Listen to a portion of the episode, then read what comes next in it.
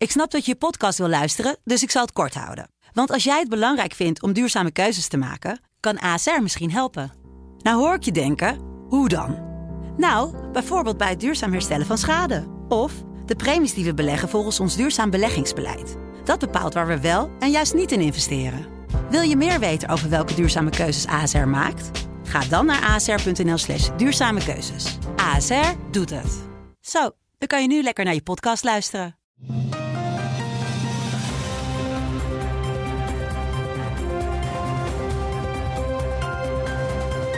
Is de Telegraaf podcast.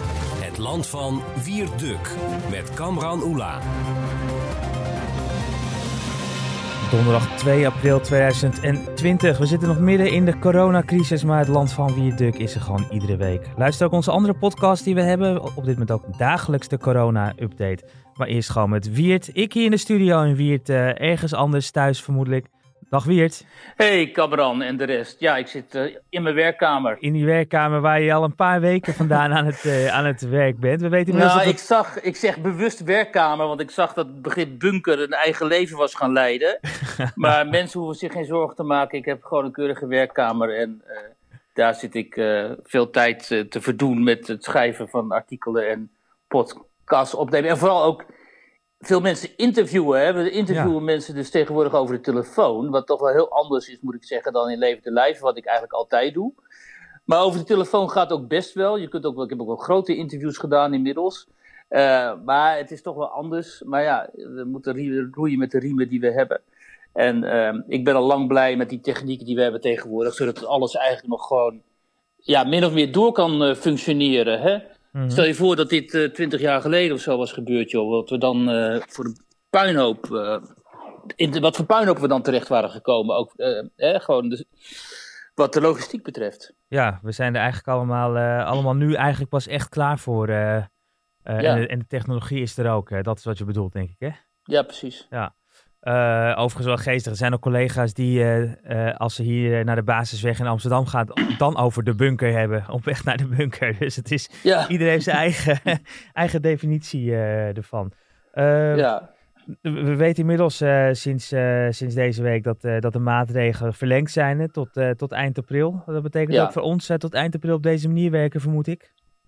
Ik, ja, ik denk van wel. Hè. Ik, in ieder geval worden wij geacht zoveel mogelijk thuis te werken. Dat is gewoon een standpunt van uh, de leiding. En ook uh, niet te veel contacten te hebben in real life, zeg maar, ja. voor de krant. Dus ja, ik denk dat we voor zoveel, zoveel mogelijk op deze manier zullen blijven werken. Ja, ja precies. Uh, nou, we hebben denk ik ook wel weer genoeg te bespreken, maar het is allemaal wel heel erg corona gerelateerd, uh, de, vermoed ik zomaar. Want, uh... Ja, eigenlijk gaat alles op dit moment hè, rond.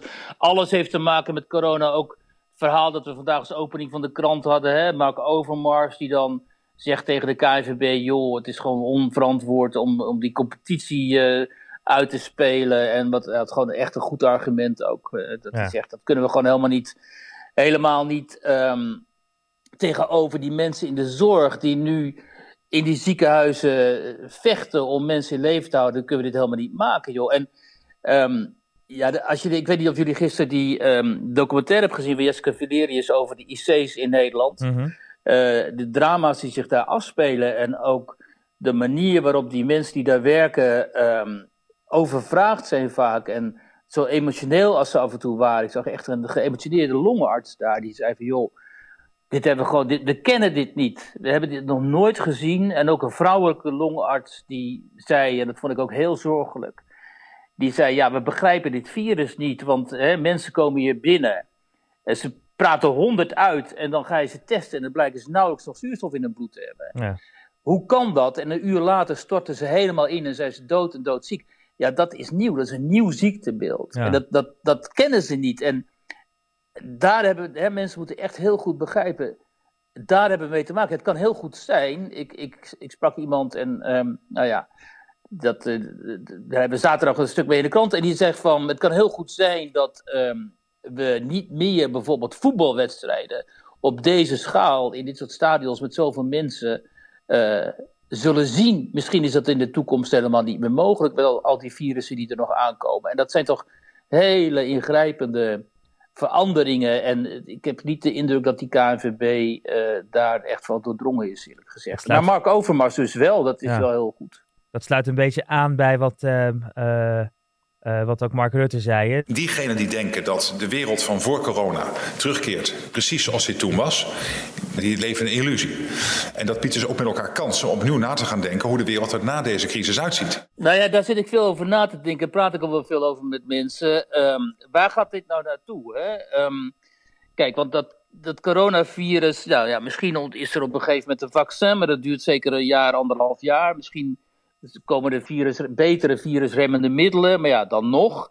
En uh, zolang ze daar in China doorgaan met wilde beesten eten, ongeveer rauw eten, hm. waardoor allerlei virussen vanuit dieren worden overgebracht op mensen, uh, wat dan weer zo'n pandemie als deze veroorzaakt, zullen die virussen sowieso op ons blijven afkomen. Hm. die virussen uit die dieren die op mensen overslaan. En dus er moet op zoveel manieren moet uh, dit een wake-up call zijn. Dit moet echt een wake-up call zijn voor mensen die denken dat je dit, hè, dat, dit ongebreidelde globalistische kapitalisme, waar we het al vaker over hebben gehad, ook in deze podcast. Ja. Uh, dat dat zo door kan gaan. Want dat, dat, dat kan dus niet, omdat uiteindelijk in de kern ook zo'n pandemie als deze daar een gevolg van is. Ook mm. hè, van. Um, de manier waarop, en dat klinkt een beetje soft nu, en we zijn geen lid van Urgenda opeens, maar toch de manier waarop uh, we met die aarde omgaan en met, ook met dieren vooral, dat dierenleed daar in China, ja, dat moet, dat moet gewoon stoppen. Maar ook de manier waarop wij onze samenlevingen hebben georganiseerd, waardoor er zo bezuinigd is op die zorg.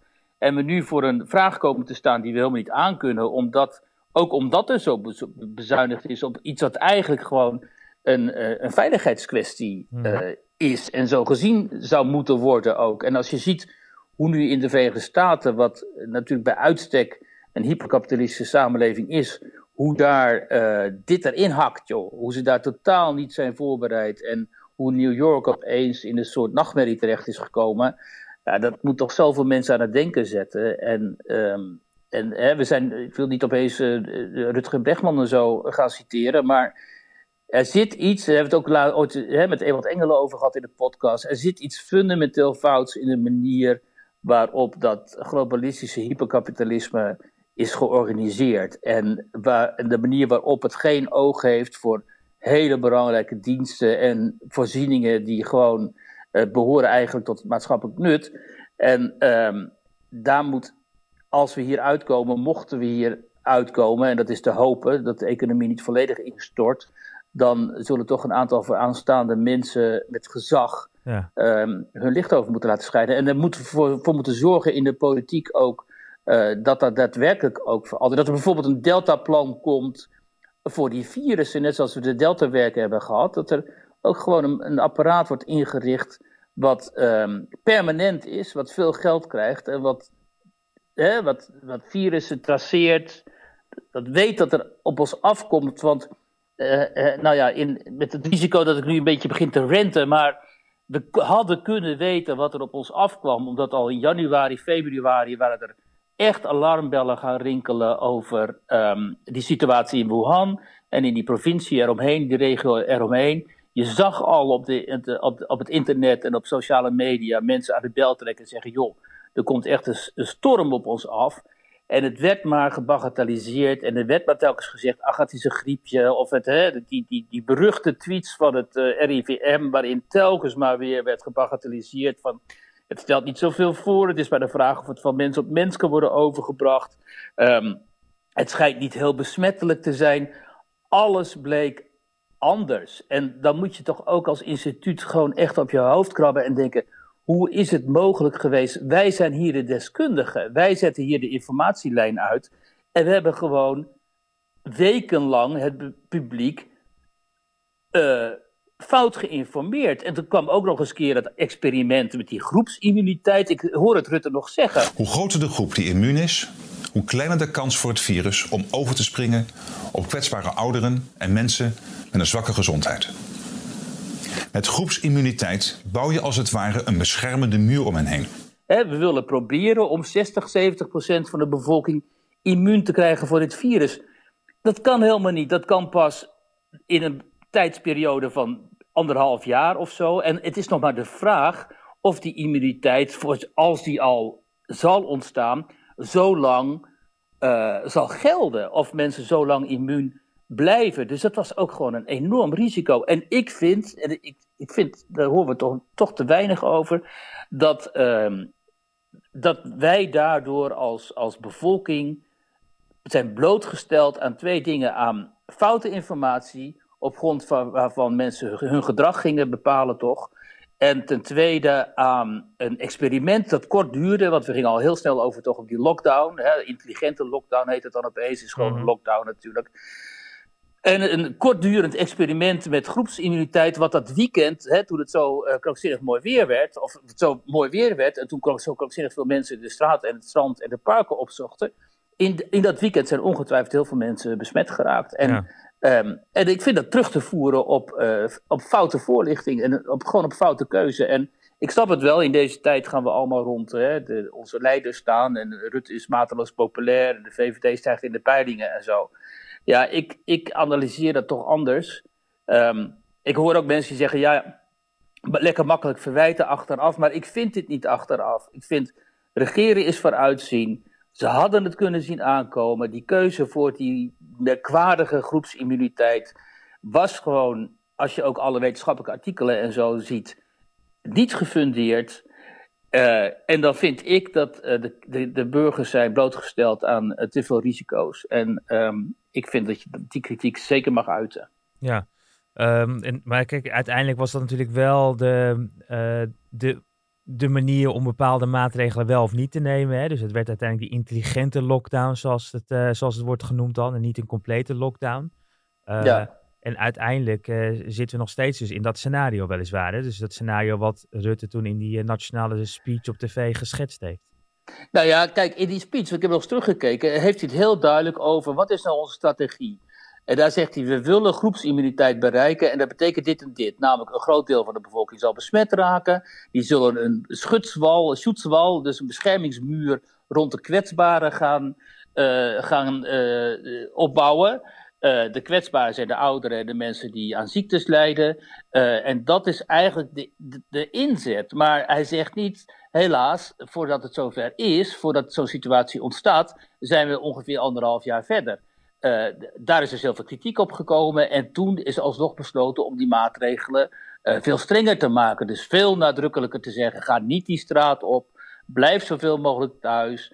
Uh, nu, is het, uh, hè, nu zijn ook bepaalde uh, gebieden zijn eigenlijk gewoon no-go zones geworden. Je mag niet meer in groepjes van meer dan drie op straat en zo. Dus er zijn gewoon die, die maatregelen die zijn aangescherpt. En dan kun je zeggen, ja, dit is typisch wat bij de Nederlandse mentaliteit en cultuur past. Hè, langzamerhand in een soort van eeuwigdurende consensus en zoeken naar compromissen gaan we dan die maatregelen aanscherpen en zo. Maar juist in dit geval was het beter geweest om de Aziatische uh, mentaliteit even over te nemen en te zeggen: we gaan net zoals in Zuid-Korea en Singapore en zo hebben gedaan, uh, gewoon echt hele scherpe maatregelen nemen. En we gaan ook onmiddellijk duidelijk maken, en nu gaan we ook testen.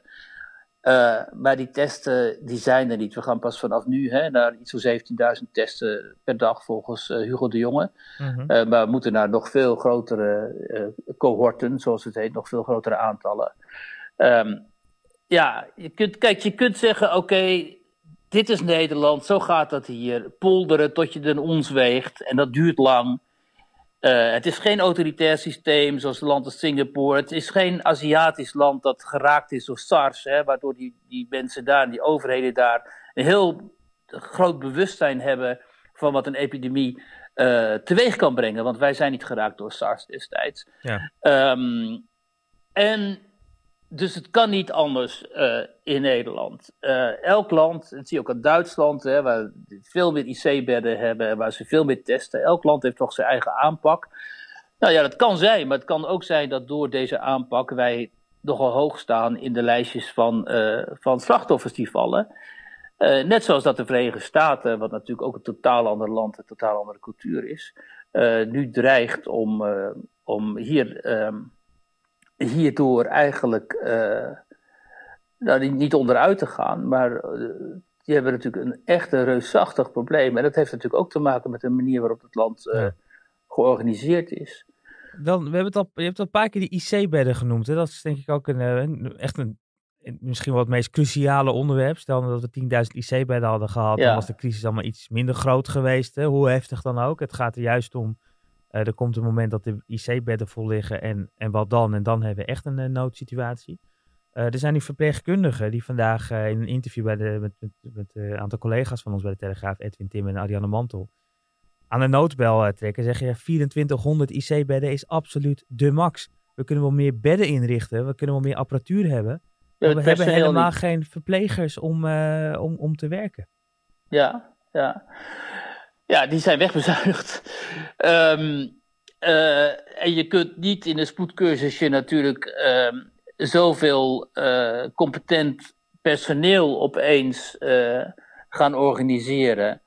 Um, nu moet ook gezegd, gisteravond in die documentaire bleek ook wel wat er met je gebeurt als je drie weken, vier weken op zo'n IC aan de beademing ligt. Hè. Um, dat maakt één arts, eh, intensivist was het, meen ik, heel goed duidelijk. Die zegt, ja, we vertellen die mensen, je gaat onder zeil. Maar de kans is ook, er is een kans dat je hier niet uitkomt. Er is een kans dat je dus in dat kunstmatige coma komt te overlijden. Komen die mensen eruit, dan zijn we drie weken verder, misschien wel vier. En dan lijden ze aan allerlei aandoeningen. Je komt er dus heel beschadigd uit. Um, niet alleen ze aan hallucinaties en angsten en wanen en zo, maar ook gewoon hè, hun longeninhoud is sterk verminderd. Ze zijn fysiek dus ook heel erg uh, beschadigd. En ik denk wat we zullen gaan zien, dat is dat mensen boven de 80, die misschien nu gezond zijn, uh, maar die door het coronavirus getroffen gaan worden, of boven de 75 misschien, nog wel jonger, dat die gaan zeggen door al deze verhalen die nu naar buiten komen, ja, dat wilden we niet. In hmm. mijn geval, hè, als, ik, als ik nu voor de keuze zou komen te staan, uh, het is uh, kunstmatige beademing op die IC uh, eh, drie weken, of niet, dan zou ik waarschijnlijk zeggen van doe dan maar niet. Want ehm, de manier waarop je daar dreigt uit te komen, je bent zo geïnvalideerd en de revalidatie gaat zo lang duren, dat is eigenlijk niet iets wat je misschien zelf zou moeten wensen. En ik, ik snap dat dit heel, hè, dit ligt natuurlijk heel precair, want ik sta niet voor die keuze. Mm. Maar ik zou me wel kunnen voorstellen, dus, hè, weet je, dus het is heel moeilijk om dit te zeggen, maar ik kan me wel voorstellen dat, um, net zoals mijn ouders hebben gezegd, joh, op, die waren in de tachtig, die hebben op een gegeven moment gezegd, ik wil helemaal niet meer geopereerd worden, mocht dat, hè, mocht dat op, opeens aan de orde zijn, of ik wil niet naar het ziekenhuis, laat me maar gewoon eh, thuis eh, komen te overlijden. En ik denk dat heel veel mensen zich die vraag gaan stellen. En ik denk ook dat wij, um, uh, met, uh, dat mensen met hun ouders en grootouders uh, dit probleem zullen moeten gaan bespreken. Nu onder ineens in deze crisis die vraag zo urgent aan de orde is. Um, en dat dat gewoon een hele realistische vraag is. Die, um, waarvan ik me kan voorstellen dat heel veel mensen daar, daar op dit moment ook over nadenken. Ja, dit zijn echt, echt heftige gesprekken die nu op dit moment plaats zouden moeten vinden ook. Ja, ik denk, eh, kijk, de, mensen die zich realiseren wat hier gaande is, uh, uh, niet alleen zeg maar, het gezondheidsgevaar, maar ook het, gevaar van die economie die helemaal tot, tot stilstand is gekomen. Ik denk dat die begrijpen hoe, hoe, hoe episch dit, dit is wat zich nu afspeelt. En dan in de zin van, dit is ongekend, dit, dit, dit kennen we helemaal niet. Dit is nooit gebeurd eigenlijk de afgelopen eeuwen dat uh, er een gezondheids, uh, mondiale gezondheidsgevaar uh, dreigde, zoals nu. En dat mondiaal ook de hele wereld tot stilstand kwam. Dat is hmm. gewoon ongekend. En dus op geen enkele manier is te onderschatten wat dit voor gevolgen zal hebben. En we kunnen helemaal niks zeggen over de manier waarop we hier, hier uit gaan komen. Alleen mensen die echt er verstand van hebben, die, die, die ofwel um, uh, experts deskundig zijn op het gebied van virussen en epidemiologie, ofwel op het gebied van, hè, ofwel al jaren nadenken over de toekomst en over de manier waarop maatschappijen geordend zijn en op de manier waarop uh, culturen omgaan met, met catastrofes en zo. Die kunnen er misschien zinnige dingen over zeggen, maar ik merk ook aan mezelf en ook wel aan mensen met wie ik spreek dat we op dit moment uh, een beetje tastend uh, door deze uh, materie gaan. omdat we de, de, de, de, aard van de materie niet goed begrijpen nog. We begrijpen het virus niet. Virologen begrijpen het virus nog niet, omdat het heel grillig is. Ze weten niet welke mensen precies ehm, gepakt worden door het virus. En ze weten ook niet de verspreiding van het virus. Dus op dit moment kunnen we helemaal niet zeggen: zijn kinderen nou de besmettingshaard? Hè? Want er wordt gezegd: kinderen kunnen wel eens een besmettingshaard zijn zonder dat ze het zelf weten, omdat ze geen symptomen hebben, maar ze kunnen besmettelijk zijn en het overdragen op ouders en groter. Hmm. Dat is nog niet onderzocht, dus we weten het niet. Misschien zijn jongvolwassenen wel de besmettingshaard. Misschien zijn mensen van 18, 19, 20 wel massaal besmet zonder het te weten, zonder symptomen te vertonen.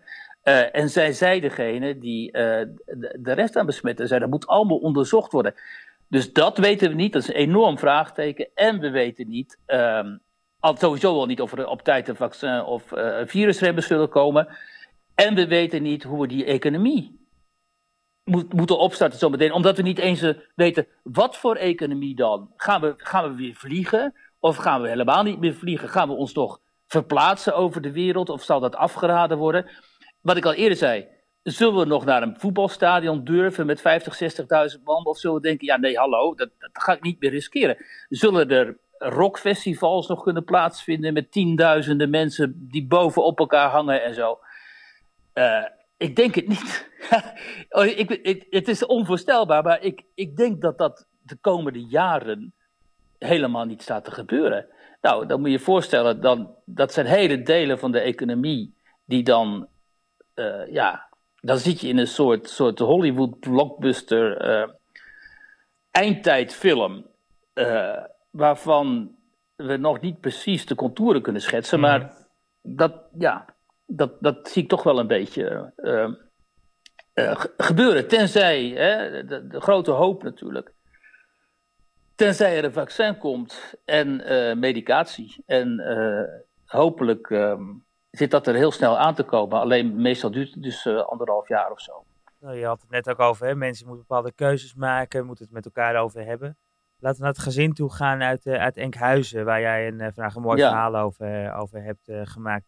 op de pagina in Nederland, in, in de Telegraaf van vandaag en ook op de site en in de app te zien. Ja, een gezin met in ieder geval ook een uh, zoon van 30 die uh, aan de ziekte van Duchenne lijdt. Hè? Ja, dat is een familie van Duin in Enkhuizen. En Freek van Duin, dat is hun uh, jongste zoon. Hun oudste zoon woont in de Verenigde Staten. En Freek die heeft dus die ziekte van Duchenne, wat een progressieve spierziekte is. Dus je wordt eigenlijk steeds immobieler.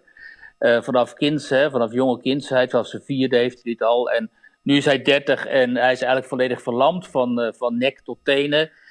alleen zijn hoofd dus niet. En uh, en zijn brein dus helemaal niet, want hij is gewoon een hele scherpe, uh, intelligente jongen.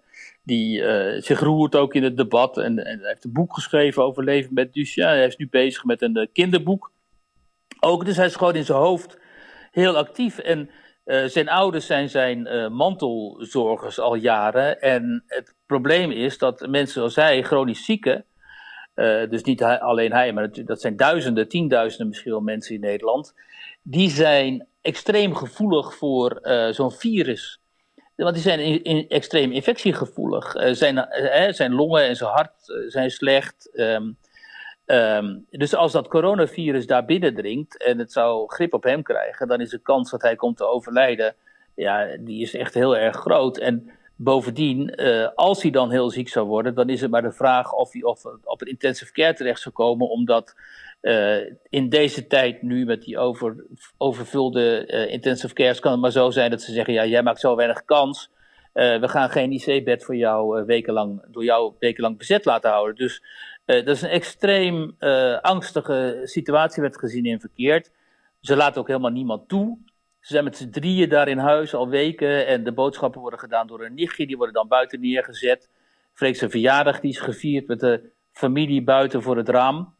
Um, uh, en um, zij zijn dus volledig geïsoleerd eigenlijk van de buitenwereld. De fotograaf die daar is geweest, die moest ook via de, het raam de, de, foto maken. En die foto die vond ik heel indrukwekkend, omdat die juist zo goed weergeeft in wat voor isolement veel mensen nu op dit moment verkeren. Hè? Er zit echt een soort, soort, soort wal weliswaar raam dan, maar in dit geval maar echt een muur tussen hen en de buitenwereld.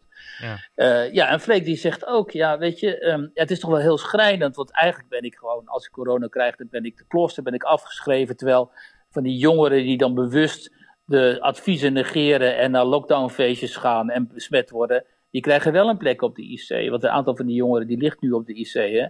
En um, dat is toch schrijnend, zegt hij. Want voor mij, de jaren die ik nog met mijn familie kan doorbrengen, die zijn voor mij net zo waardevol als de jaren die zij nog met hun familie willen doorbrengen. En als je inderdaad ziet de manier waarop uh, hij over zijn ouders spreekt en de manier waarop zijn ouders met hem bezig zijn en voor hem zorgen en uh, ja, de liefdevolle manier waarop dat gebeurt, ja, dan is dat ook natuurlijk zo. Dan zou het een enorm verlies zijn voor eh, de ouders ook als ze hun kind zouden verliezen. Wat het altijd al is. Maar een kind waar je zo, zo lang, zo intensief voor hebt gezorgd om die dan te verliezen aan zo'n zo'n stom virus. Hè, terwijl je je hele leven er alles aan hebt gedaan om die jongen gewoon overlevingskansen te bieden. Ja, dat is natuurlijk heel schrijnend. En wat ook wel een heel interessante opmerking was van de moeder, dat was dat ze zei: Het is toch wel heel raar dat we dus in een, in een cultuur leven waarin we jarenlang geprobeerd hebben om, om Freek in leven te houden. En nu er zo'n uh, crisis is, is hij een van de eerste die dan wordt uh, afgeschreven.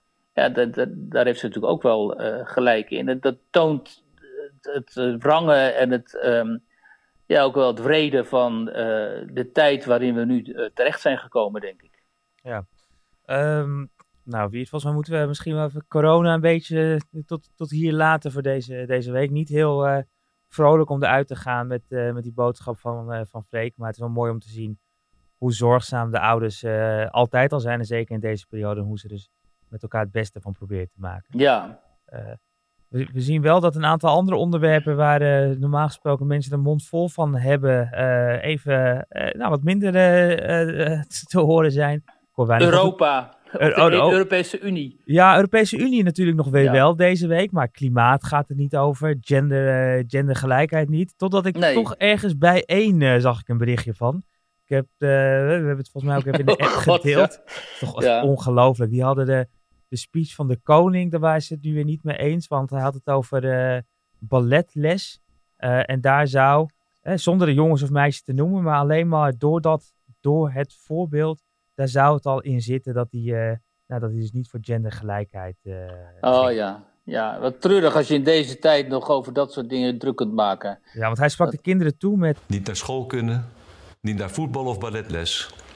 Verjaardagsfeestjes die niet doorgaan. Dat is best moeilijk.